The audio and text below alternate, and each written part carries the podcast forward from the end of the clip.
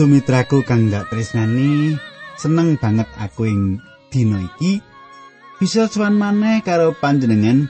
Aku gek wingi wis rada lerek-lerek. Arep lara mbah piye? Awak ora kepenak, turu ora kepenak, nanging mbok menawa wae awit pandonga panjenengan kabeh. Isu-isu aku tangi awak seger lan aku bisa swan panjenengan maneh ing dina iki ing wektu iki. Nah kataku kaya padatan aku pendeta pujianto ana ing sakjroning adicara margi utami adicara kang dadi kelangenan panjenengan iki bakal ngancani panjenengan ing sawetara wektu.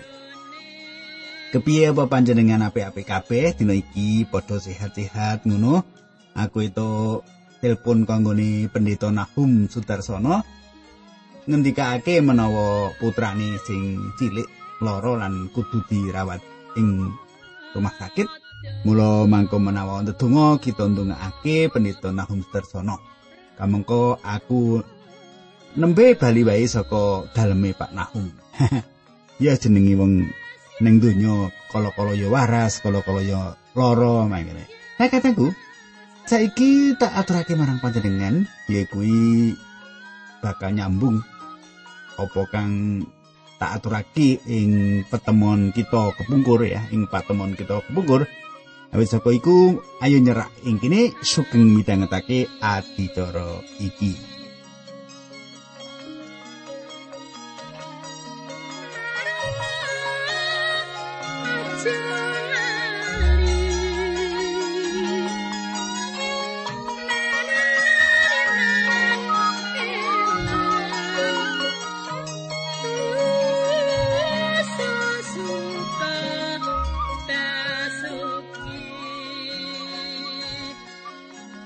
Kadangku, kepungkur aku wis ngaturake perkara-perkara sing ditindakake para murid nalika para murid diutus dening Gusti Yesus. Ora kena nganggo sangu, ya. Kabeh dingendikake kanthi cetha. Lan nalika semono Yohanes Pembaptis iki Sang Kristus kang dijanjike Gusti Allah apa ora? nah, katengku ayo kita ndedonga dhisik sadurunge diterusake. Kanjeng Rama ing swarga kawula ngaturaken gunging panuwun menawi wekdal menika kawula saged tetunggilan. Kawula ngaturaken gunging panuwun menawi kawula ing saben-saben saged midhangetaken sabda pangandikan paduka. Kawula ndongaaken putranipun Pak Nahum Sudarsono si Kris Setia. Ingkang sakmenika sakit supados paduka saged sarasaken lan kawula pitados bilih Gusti berkahi. Lan kawula mboten namung ndongaaken putranipun Pak Nahum nang sedaya derek kawula ingkang samenika nembe sakit supados paduka jamah lan paduka sarasaken. Dinambaran asmanipun Gusti kawula Yesus Kristus kawula netunggal. Haleluya. Amin.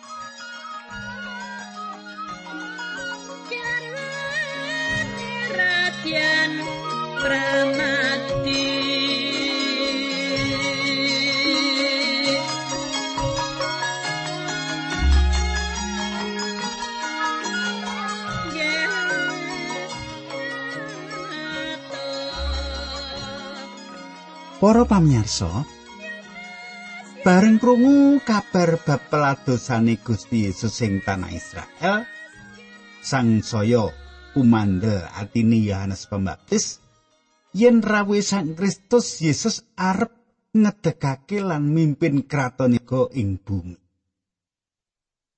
Iki isine giaran perangan pungkasan kang ndak aturake kepungkur. Ndak baleni meneh bareng krungu kabar bab peladosane Gusti Yesus ing tanah Israel, sang saya kumandel atine Yohanes Pembaptis yen rawuh Sang Kristus Yesus arep ngedekake lan mimpin kratone swarga ing bumi. Saking kadang kepengin ngerti apa kersane Sang Kristus mengkone, Yohanes, Yohanan, utusan para murite kanggo pitakon. Coba panjenengan semak Matius 11 ayat telu. Menapa panjenengan menika ingkang badhe rawuh kados ingkang dipun ngendikaken dening para nabi? Menapa kawula tasih kedangen tosi tiyang sanesipun? Ayat papat Gusti Yesus mangsuli. Podho baliyo aturno marang Nabi Yohanes apa sing kok rungulan kok deleng. Ayat 5. Wong wuta padha bisa ndeleng, wong lumpuh padha bisa mlaku, lan wong lara kusta padha kawarasake. Wong budhek bisa ngrungu, wong mati padha diurepake, lan wong mlarat padha kawartanan Injil. Ayat 6. Bejo wong sing percaya marang aku tanpa mangu-mangu. Kadangku pitakone Yohanes lan jawabane Gusti Yesus wis ceples. Tegese yen Gusti Yesus iku satuhune Allah. Sang ratu sing kuwasa paring kawilujengan. Sang raja sing kuwasa paring kawilujengan. Dudu raja sing arep ngedekake kratone swarga ing wektu iki. Mengko ing rawe sing kaping pindho Gusti bakal ngedekake kraton swarga kang langgeng. Gusti Yesus uga paring piweling marang Yohanes supaya aja mangu-mangu nggone dheweke percaya. Jawaban sing diparingake Gusti Yesus iki padha karo weca ing kitab Nabi Yesaya. Yesaya 35 ayat 4. saben wong sing semplah hatine gandanono sing tatak lan aja wedi Pangeran bakal rawuh mitulungi kowe lan bakal ngebak para mungsuhmu ayat 5 wong wuta bakal bisa ndeleng wong budhek bakal bisa krungu ayat 6 wong lumpuh bakal mlumpat kaya menjangan wong bisu bisa sorak-sorak ing segara wedi bakal metu banyune lan kali-kali bakal mili ana ing ora-ora samun. Iku tulisane Nabi Yesaya. Katangku, nalika Gusti rawuh ing jagat papan iku ora ana ilen-ilene kali sing ana banyune. Iki pratandha yen Gusti Yesus rawuh ora arep ngedekake kratone. mengko kratone bakal kabangun kaadekake yen panjenengane rawuh sing kaping pindho. Ing ayat-ayat sebanjuri Gusti Yesus mbela Yohanes Pembaptis. Gusti Yesus mbela Yohanes Pembaptis. Matius 11 ayat itu sak ungkure para murid Nabi Yohanes Gusti Yesus banjur ngendika marang wong akeh sing lagi padha ana ing kono bab Nabi Yohanes Pembaptis. Mengkene, kowe padha marani Nabi Yohanes ana ing ora samun padha arep ndeleng apa? Apa arep ndeleng glagah sing kena ing angin? Katengku. Dudu Yohanes sing kaya glagah kena angin. Banjur mentiung rono mentiung mrene. Nanging Yohanes sing dadi angin banjur nggoyangake glagah. glagah goyakake glagah mentiyongake glagah ing jaman saiki mimbare gereja saking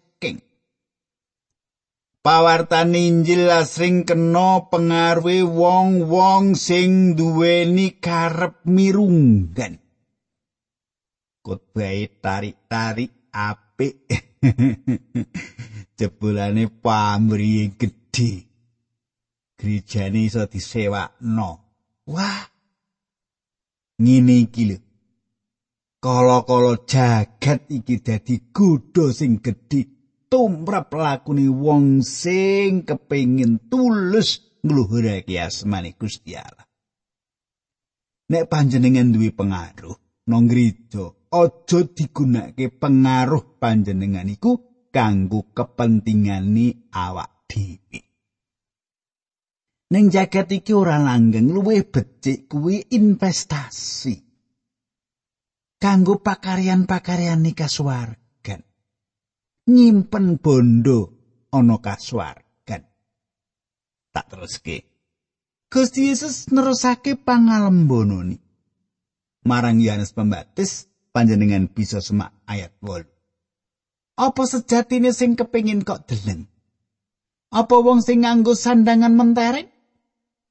wong sing padha nganggo sandangan mentereng kuwi manggone ana ing kraton. Wah, ayat iki apik. Ing pamirsane Gusti Yesus Yohanes pancen duweni pribadi sing kukuh lan tangguh, sing bakoh lan tangguh. Ayat 9. Apa sejatine sing kepingin kok deleng yen kuwi padha marani Nabi Yohanes Pembaptis? Apa arep ndeleng nabi? Iya bener. Iya pancen Nabi Yohanes kuwi malah ngungkuli nabi. Kadangku Yohanes Pembaptis ora mung nabi, nanging nabi sing pinilih saka nabi liyane. Ayat 10 Sebab yo Nabi Yohanes kuwi sing disebut ana ing kitab mangkene pangandikane Gusti Allah. Iki utusanku. Aku ngutus utusanku ndisi ilakumu supaya ngrata dalan sing bakal kok ambah. Katengku ing kene Gusti Yesus ngiyakinake yen Yohanes wis kaweca dening kitab Maliaki bab telu ayat siji. Pangeran kang Maha Kuwasa paring wangsulan mengkene aku bakal ngutus utusan sing ngrata dalan sing bakal ndak ambah. Pangeran sing kok golek kuwi bakal rawuh dadakan ing pedalemane. Utusanku sing kok arep-arep tekane mau bakal kok deleng lan kuwi sing bakal medharake perjanjianku.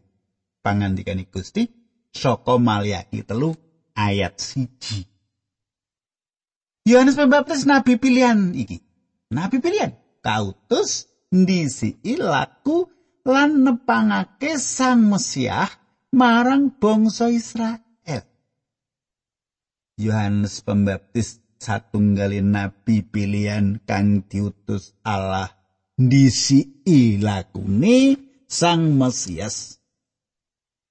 Matius 11 ayat 11 padha titenono sejagat iki ora ana wong sing ngungkuli Nabi Yohanes Pembaptis. Senatan mengkono wong sing pangkate cilik dhewe ana ing kratone Allah iku ngluwihi Nabi Yohanes Pembaptis. Mitraku kang ndak tresani bisa uga kita banjur gawe debat.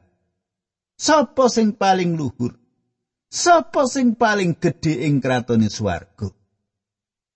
Bapak Abraham Bapa Musa apa Raja Daud? Jawabane kaya sing didhawuhake Gusti Yesus Yohanes Pembaptis sing paling luhur. Yohanes Pembaptis sing paling gedhe ing kratone swarga. Lan sapa ya sing luwih gedhe tinimbang karo Yohanes Pembaptis? Sapa?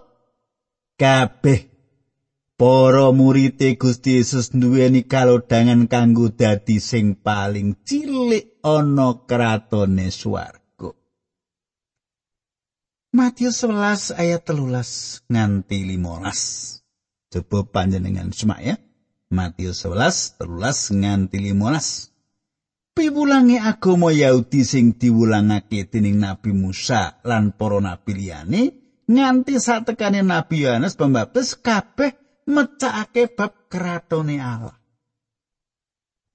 Dene yen kowe gelem percaya marang piwulang mau ngerti yo yen Nabi Yohanes Pembaptis kuwi yo Nabi Elia sing rawe wis diweca. Sing sapa duwe kuping padha ngrungokno kahanane. Yohanes Pembaptis kaya-kaya genepi pecane Nabi Maliaki sing ngene unine. Maliaki telu ayat 1. Pangeran kang Maha Kuwasa paring wangsulan mengkene. Aku bakal ngutus utusan sing rata dalan sing bakal ndak ambah. Pangeran sing kok golek kuwi bakal rawuh dadakan ing pedalemani. Utusanku sing kok arep-arep tekane mau bakal kok deleng. Bakal kok deleng lan kuwi sing bakal medharake perjanjianku. Kadangku upamane bangsa Israel nalika iku percaya lan nampa Gusti Yesus dadi juru wilujengi. Apa Gusti Yesus iyo isih sedo kesalib? Apa Gusti Yesus iyo sisih sedo kesalib?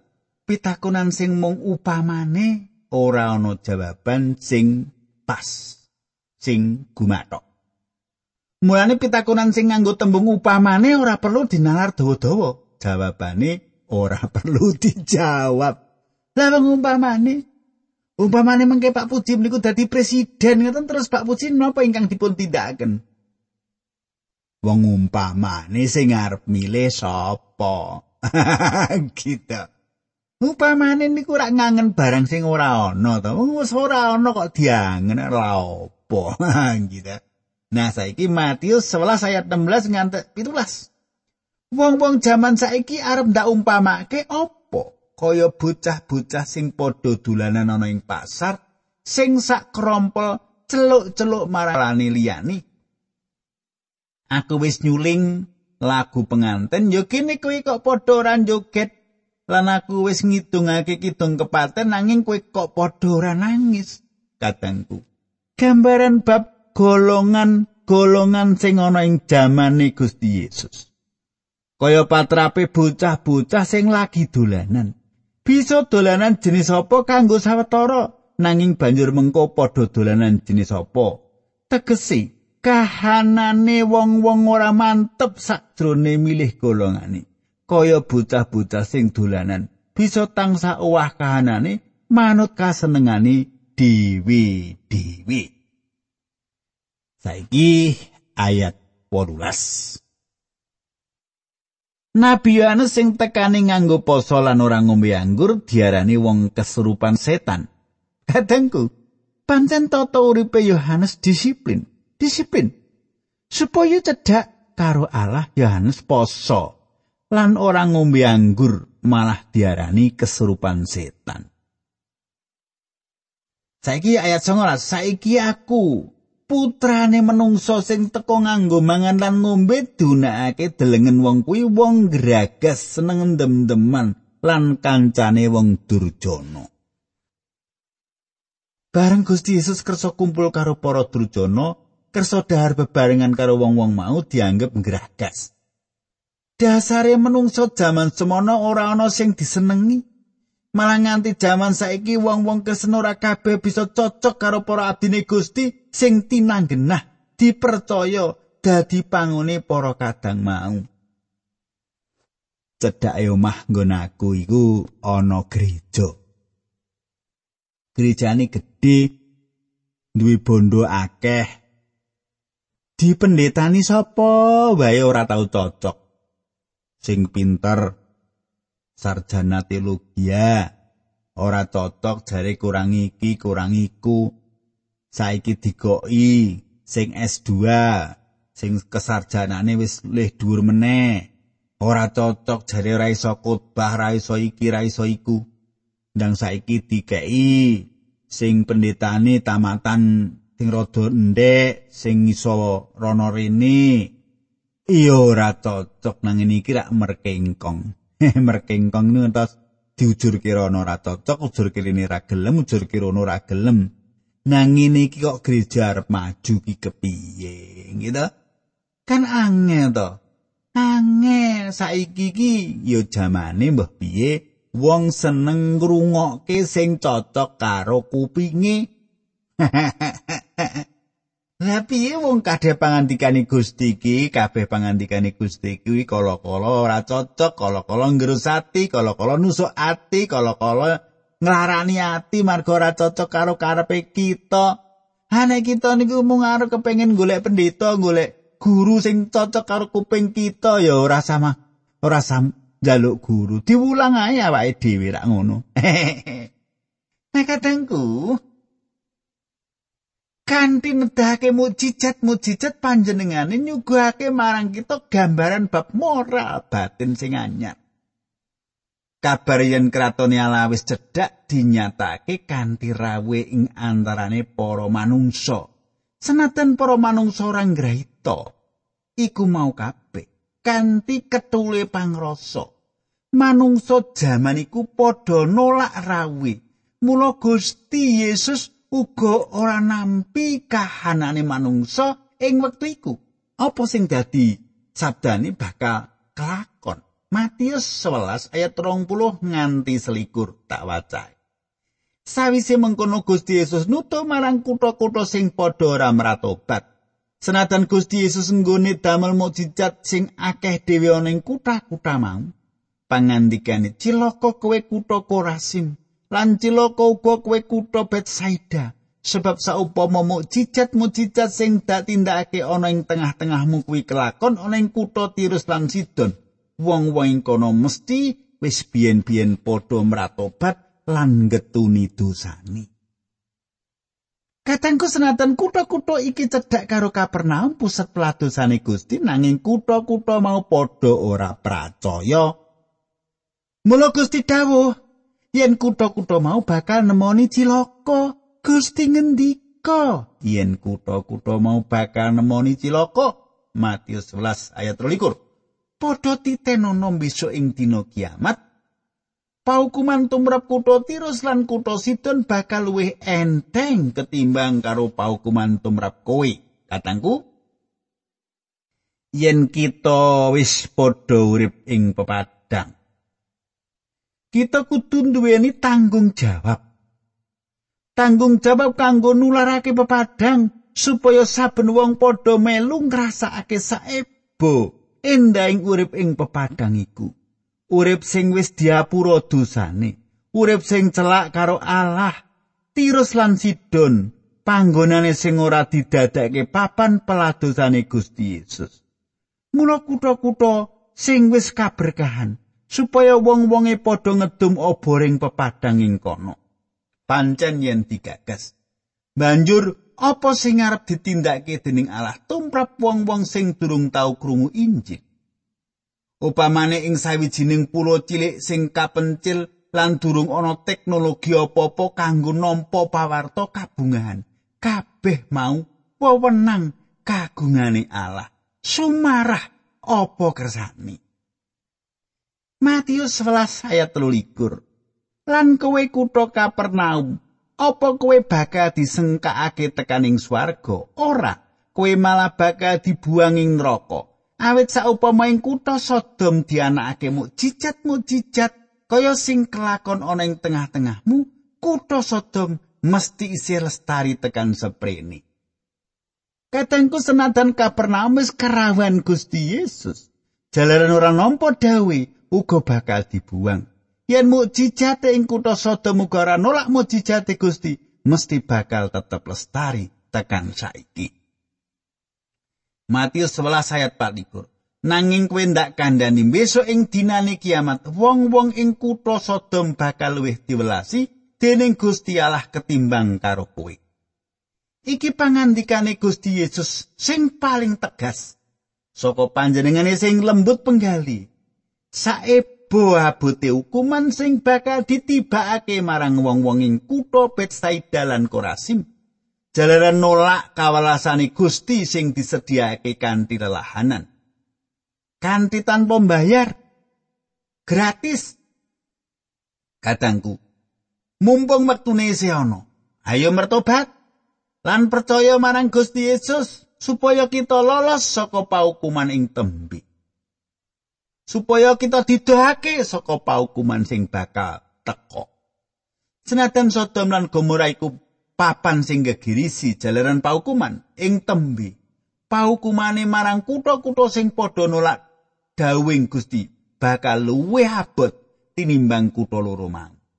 Matius 11 ayat selawi lan 16 Nalika semono Gusti Yesus saus panuwun marang Gusti Allah aturi duh Rama Gusti ning langit lan bumi kawula ngaturaken agenging panuwun dene bab menika sedaya paduka damel wados tumrap tiang-tiang pinter lan para sarjana. Nanging tiang-tiang ingkang boten gadah kawruh paduka paringi sumerep. Inggih makaten Rama pamilih lan keparengipun kersa paduka. Kadang ing purwaning dumadi asmane Allah disebutake Gustinipun langit lan bumi. Pancen ya kaya ngono asma lan panguasane asmane Allah sing yasa langit lan bumi kahanan iki akeh para wong pinter sing ora paham. Malah bocah-bocah cilik asring padha crita yen langit dan bumi iku diciptakake dening Allah.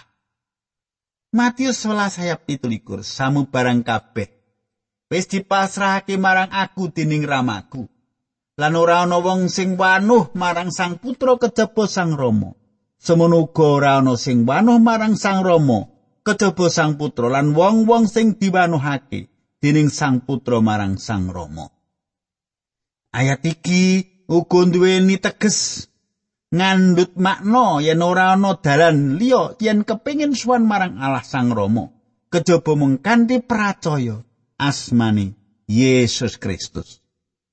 Kutha-kutha ing Israel padha nolak rawe Gusti semono uga Yerusalem Pundir uripe bangsa Yahudi mula Gusti ya nampik bangsa iki Nulikati katresna sing agung marang manungsa Gusti lonan tumuju menyang salib Golgota banjur ngesake timbalan marang para manungsa sok sapa sing padha sumadyo ketimbalan. Bab 11 ayat 21 nganti 30 Injil Matius. Padha mrene kowe sing padha saya merga mikul abot kowe bakal ndak paringake ngasuk. Dawuhku lakonono lan pituturku gatekno. Atimu mesti bakal ayem merga aku iki alus ing budi lan andhap asor. Awit dawuhku kuwi ora angel lan momotanku mau enteng. Gusti nimbali kepareng nyediake papan kanggo ngasuning urip jalaran kamungutan dosa. Nuli Gusti paring pituduh supaya ngatekake dawuh. Jalaran kanthi mengkono panjenengane bakal ngraosake karahayun. Panjenengan bakal ngraosake karahayun. Mitraku, muga panjenengan kaberkahan lumantar adicara iki. Nuwun, monggo kita ndedonga. Duh Gusti Allah ingkang dados sesembahan kawula rinten kalian dalu ing asmanipun Gusti Yesus. Matur nuwun pangandikan paduka ingkang saged kawula kegilut dinambaran asmanipun Gusti Yesus Kristus kawula tunggu. Haleluya. Amin.